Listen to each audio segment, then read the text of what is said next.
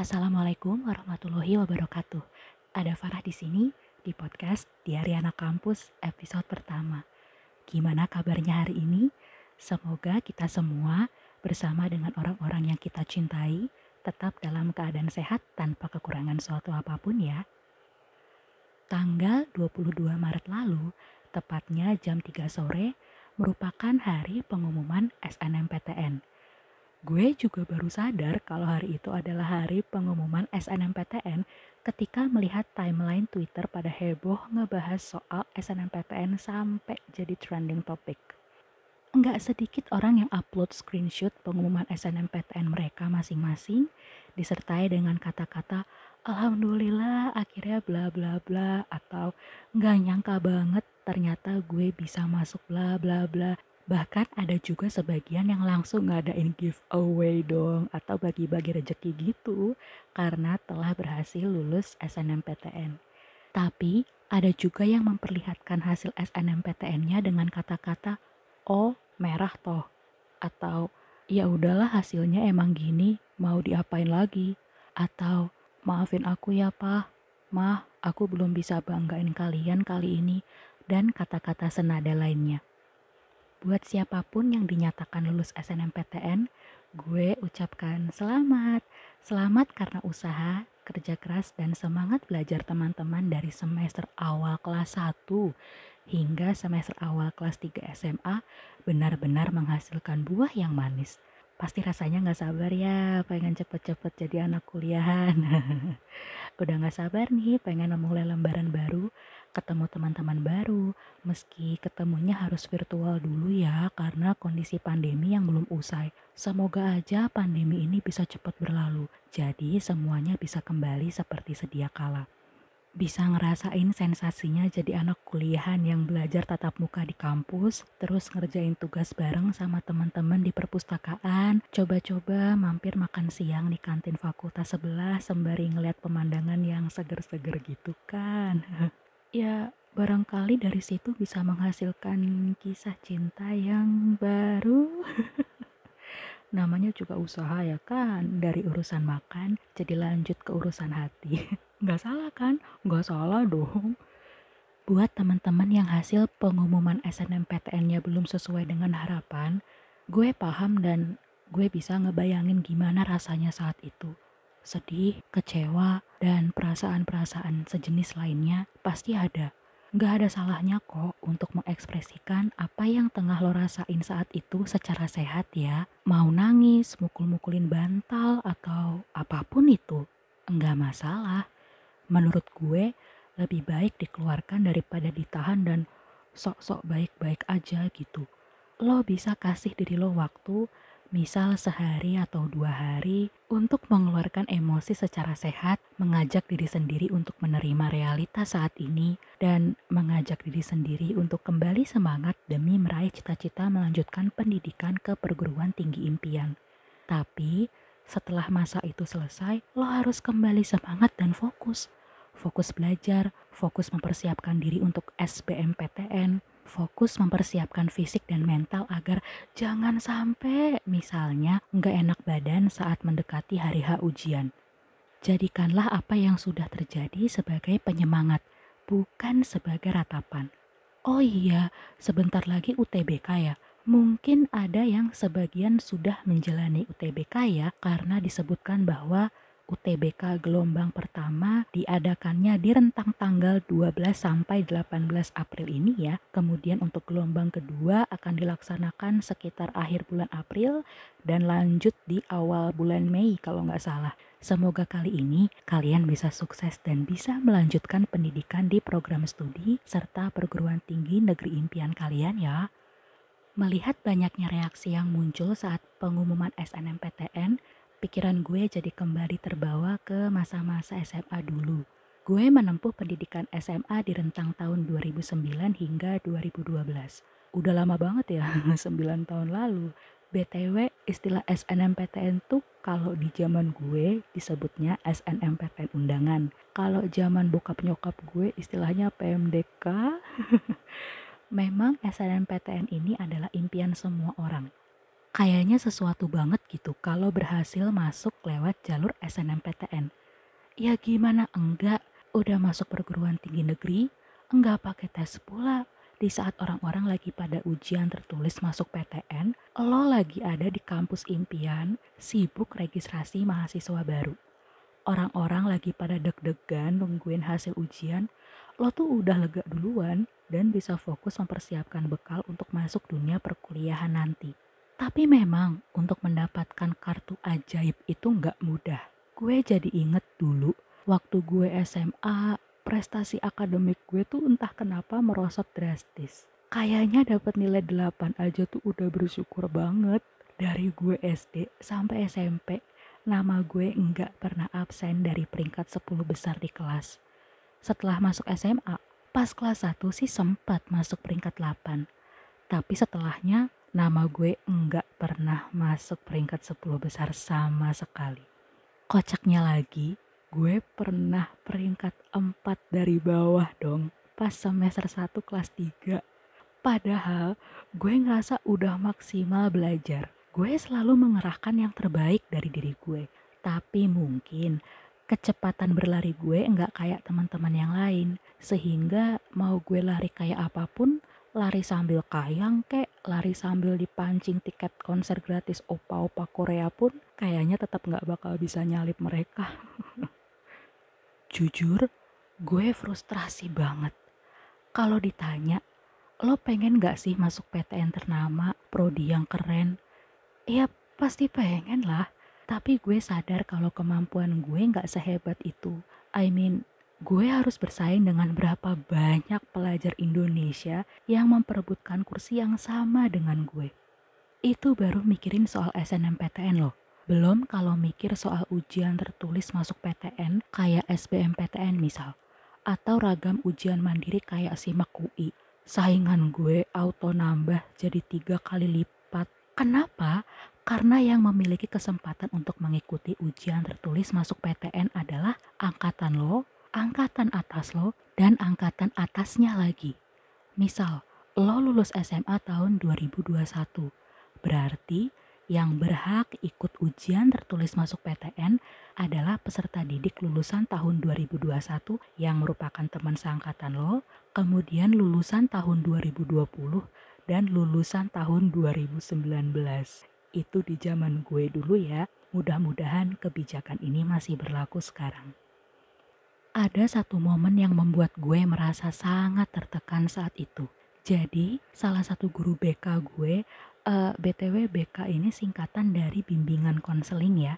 Guru BK gue ngebagiin secari kertas dan meminta kami semua murid kelas 3 SMA untuk menuliskan tiga pilihan perguruan tinggi negeri beserta prodi tujuan untuk jalur SNMPTN undangan dan tiga perguruan tinggi negeri beserta prodi tujuan untuk jalur SBMPTN.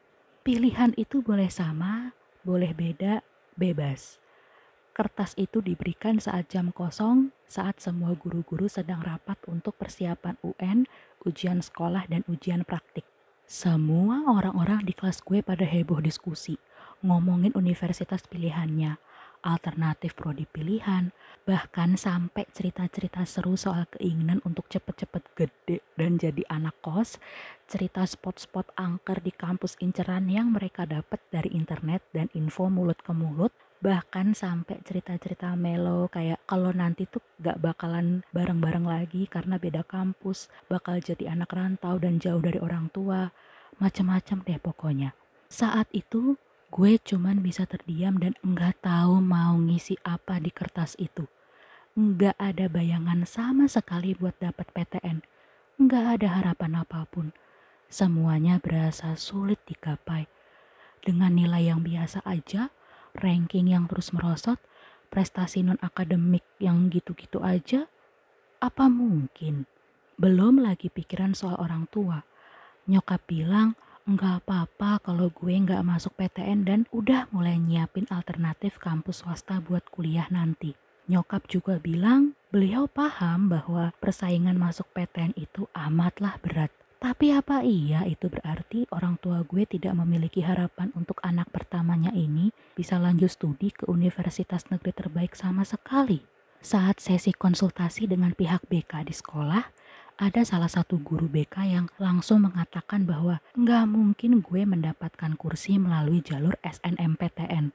Farah mending fokus aja ke ujian tertulis. Nilai segini nggak mungkin dapat SNMPTN, katanya gitu. Hancur sih, hancur banget gue dibilang gitu. Tapi ya emang nilai rapot gue serendah itu. Wong yang nilainya bagus seantero sekolah aja belum tentu bisa masuk PTN lewat jalur tanpa tes, ya kan? Dari situ akhirnya gue mengubur mimpi gue untuk bersaing di jalur SNMPTN dan memfokuskan diri untuk persiapan SBMPTN dan ragam ujian mandiri lainnya. Gue pengen masuk PTN, beneran, di mana aja deh, gak berharap muluk-muluk. Yang menjadi fokus gue saat itu adalah pilihan program studinya, bukan universitasnya. Kenapa? Di pikiran gue saat itu kayak ya udah sih mau lo anak kedokteran UI atau Unpad misal. Ya sama aja. Sama-sama belajar tentang ilmu kedokteran. Sama-sama bedah mayat. Sama-sama belajar organ tubuh manusia kasarannya gitu. Atau kasarannya gini. Zaman sekolah dulu kita bosen belajar kimia nih misalnya. Nilai kimia bobrok banget deh. Itu masih bisa ketutup dengan nilai mata pelajaran lain sehingga yang menjadi fokus tuh nilai total rapotnya. Pelajaran kimia zaman SMA pun sifatnya masih umum, gitu-gitu doang bahasa songongnya. Kalau kuliah kan beda ya. Lo anak kimia, ya belajar kimia aja terus dan mendalam. Tingkat kesulitan dan challenge-nya pun jauh lebih sulit daripada zaman SMA dulu. Ya, dengan kata lain, kimia zaman SMA dulu tuh nggak ada apa-apanya kalau dibandingin sama kimianya anak kuliahan. Atas dasar pertimbangan itulah gue mulai sibuk milih program studi pilihan mana yang bakal gue tuju untuk ujian SPMPTN nanti dan yang gue pilih untuk SNMPTN undangan. Jadi dibedain ya, nggak sama gitu. Gue tetap upaya konsultasi dengan pihak BK, konsultasi dengan para mentor di tempat bimbel gue, terus cari-cari informasi mengenai tryout SBMPTN yang pastinya dilaksanakan secara offline. Ceritanya kan waktu itu belum ada pandemi ya. Weekend gue bener-bener dihabisin untuk tryout di mana-mana. Di Gelora Bung Karno pernah, di SMA 1 Depok pernah. Untungnya gue nggak sendirian. Teman-teman sekelas gue tuh ambisnya luar biasa. Maklum kali ya, IPA 1 soalnya. Isinya tuh anak-anak jebolan OSN, anak rohis, anak MPK OSIS. Ya Allah, apalah aku yang cuma K-popers. Jadi berangkat bareng kalau kasih tryout, belajar bareng. Kadang kalau nggak ketahuan pengawas ya contek-contekan bareng pas tryout. Terus pulang bareng, capek bareng, ngegalau bareng, nangis bareng, ngambis bareng. Itu yang ngebikin gue jadi punya setetes harapan. Gue udah nggak mikir hasil, kayak ya udahlah nikmatin aja prosesnya. Lumayan buat cerita anak cucu gue nanti. Ya meski peringkat empat dari bawah ya, tapi masih punya niat dan usaha buat lanjut kuliah ke PTN lah gitu. Jam sekolah gue dulu dimulai dari jam setengah tujuh pagi sampai jam tiga sore. Kemudian dari situ gue langsung ke tempat bimbel Kelas bimbel dimulai jam setengah lima sore sampai jam setengah sembilan malam. Sampai rumah jam sembilan malam. Tiap hari gue bawa baju ganti, alat sholat, dan bekal lebih untuk dimakan di tempat bimbel. Karena gue ikut program yang intensif, hal ini berlangsung dari Senin sampai Jumat. Sabtu Minggu pun masih dipakai untuk belajar atau try out atau main ke bimbel untuk ikut kelas tambahan. Kadang gue bisa tidur jam 2 pagi, kemudian bangun jam setengah 5 pagi. Karena jam 5 lewat 15 menit itu maksimal banget gue harus udah naik angkot untuk ke sekolah. Zaman itu tuh belum ada Gojek, Grab Bike, gitu-gitu tuh beluman. Berhubung sekolah gue di Jakarta ya, mau sedekat apa pun jaraknya dari rumah, pasti ada aja macetnya. Makanya berangkat sepagi itu. Bayangin dong. Untungnya juga zaman dulu tuh belum ada yang namanya Netflix, belum menggila juga main Twitter, jadi enggak terdistraksi ya. Segala kumpulan soal persiapan ujian tertulis masuk PTN, gue fotokopi tiap jam istirahat Iya, gue modalnya cuma fotokopian doang. Soalnya kalau dikit-dikit beli tuh mahal. Belum tentu juga gue kerjain semuanya kan. Dari bimbel gue sendiri pun sebenarnya udah dapet buku kumpulan soal yang gedenya astagfirullah. Gilanya lagi, gue ambil program IPC, program yang memperbolehkan lo memilih program studi saintek dan program studi sosial humaniora saat ujian SBMPTN. Tiap jam kosong, kelas IPA 1 tuh sepi anyep. Kagak ada bocah keluar-keluar kelas sambil main gitar atau cewek-cewek yang rock span gitu pada diem-diem ngeloyor ke kantin jajan atau pasangan muda-mudi yang nyolong-nyolong mojok pacaran. Aduh, kagak mustahil. Kita memanfaatkan jam kosong buat berlatih soal. Ya paling sesekali hiburan lah. Nonton film pakai LCD kelas dan laptop pinjeman salah satu temen. Tapi tetap aja, ujung-ujungnya tuh film gak ditonton. Pada asik ngerjain soal sambil bisik-bisik diskusi sama teman sebangku. Saat itu gue mulai fokus untuk persiapan SBMPTN. Karena bagi gue, SNMPTN hanyalah bonus. Kalau dapet ya alhamdulillah, kalau enggak ya ya udah nggak apa-apa. Masih ada jalur lain. Toh ketika perkuliahan nanti semua akan dipandang sama mau anak yang keterima lewat jalur SNMPTN, SBMPTN, lewat ujian mandiri apalah itu. Semuanya sama, nggak ada perlakuan spesial apa pun. Enggak jaminan pula orang-orang yang masuk lewat jalur SNMPTN itu adalah orang-orang pinter, ambis, dan dijamin bakalan lulus lebih awal. Ibaratnya ya itu cuma kayak lo beli tiket konser tuh pre-sale atau on the spot. Udah gitu. Tapi ketika udah di dalam venue yang sama, nggak ada bedanya. Status kita sama-sama penonton. Selesai. Itu pula lah yang membesarkan hati gue, yang ngebikin gue tetap semangat apa pun yang terjadi. Eh, belum lagi kalau kita bicara soal pengorbanan orang tua. Udah deh, nggak bakal kelar ini pembicaraan saking panjang dan dalamnya. Satu persatu ujian telah selesai gue lalui. Dimulai dari ujian sekolah, ujian praktik, dan terakhir UN. Gue bener-bener nggak nganggep kalau gue adalah siswa pendaftar SNMPTN. Bener-bener nggak mikir apa-apa. Yang gue pikirin adalah gimana caranya gue lulus SBMPTN. Dari bulan April gue udah nggak ke sekolah lagi. Gue langsung intensif ngebimbel dari jam 8 pagi sampai jam 4 sore di sana gue ketemu teman baru yang alhamdulillah sama-sama ambisnya. Jadi jam istirahat pun dipakai untuk diskusi soal-soal SBMPTN.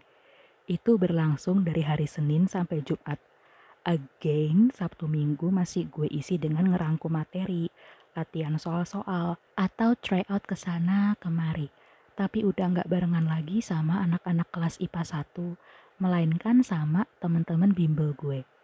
Saat pendaftaran SBMPTN dibuka, gue adalah orang yang langsung mendaftar di hari kedua.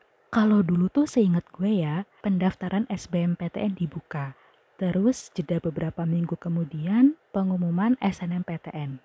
Nah, beberapa hari setelah pengumuman SNMPTN, pendaftaran SBMPTN ditutup.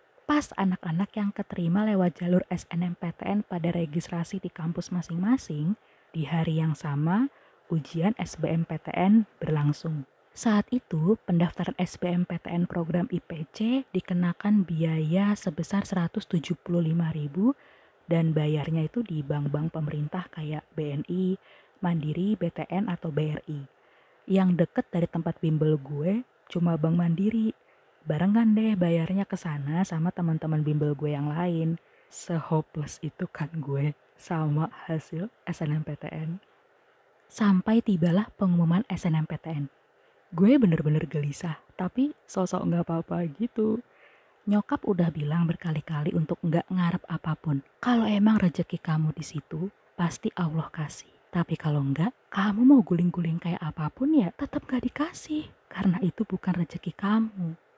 Gue berusaha untuk mengalihkan pikiran dengan cara online Twitter atau nonton drama Korea hasil downloadan temen. Nggak modal banget ya. Iya, di hari itu bimbel gue libur. Jadi gue seharian di rumah.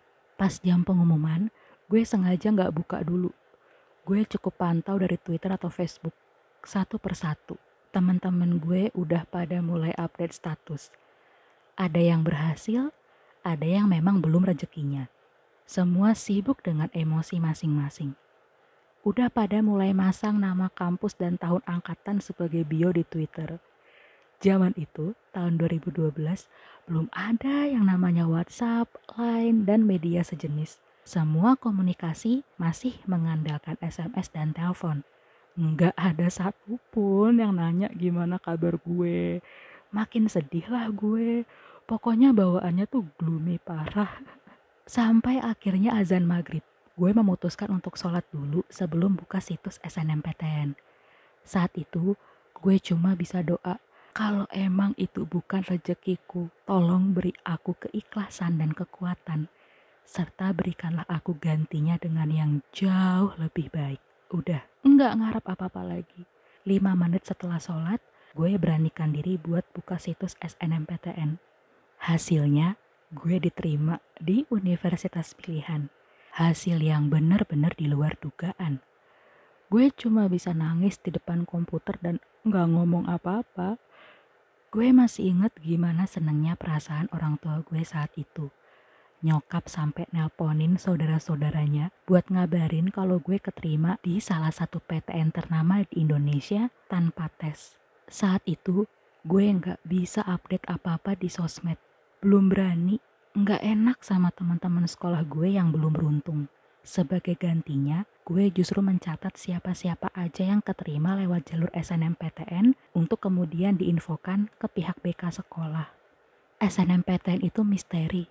Kita bener-bener nggak tahu detail penilaiannya seperti apa, pertimbangan-pertimbangan apa saja yang membuat seorang siswa pendaftar menjadi bisa lulus seleksi SNMPTN meskipun ada yang bobot nilainya sama atau bahkan dari sekolah yang sama misalnya. Kadang ada perlunya kita mengontrol ekspektasi kita sendiri. Kalau perlu, nggak usah berharap apa-apa, atau malah memikirkan kemungkinan yang terburuk. Ya, suka nggak suka, ada situasi di mana ekspektasi kita itulah yang justru membunuh kita. Mungkin kalau guru BK gue nggak bilang kayak gitu, nggak menganjurkan gue untuk fokus mempersiapkan diri ujian SBMPTN, bisa jadi gue nggak punya bekal apa-apa jikalau hasilnya gue tidak lulus seleksi SNMPTN. Gue malah tergopoh-gopoh belajar semua materi anak IPA dan IPS mengingat gue mengambil program IPC. Semuanya bakalan jauh lebih kacau. Di sini, gue bukan menganjurkan lo untuk berpikir negatif dan pesimis ya, tapi justru dengan mengantisipasi hal terburuk, kita jadi lebih siap menghadapi apa pun yang akan muncul nantinya. Selain itu, kita pun jadi lebih fokus dan menikmati langkah demi langkah yang sedang kita lalui sebagai proses, bukan malah risau dan gelisah memikirkan hasil. Inilah yang disebut dengan filosofi stoik. Terima kasih banyak ya karena telah mendengarkan Diari Anak Kampus. Nantikan cerita seru ala anak kampus lainnya di episode selanjutnya. Tetap semangat dan jadilah bintang untuk dirimu sendiri. Wassalamualaikum warahmatullahi wabarakatuh.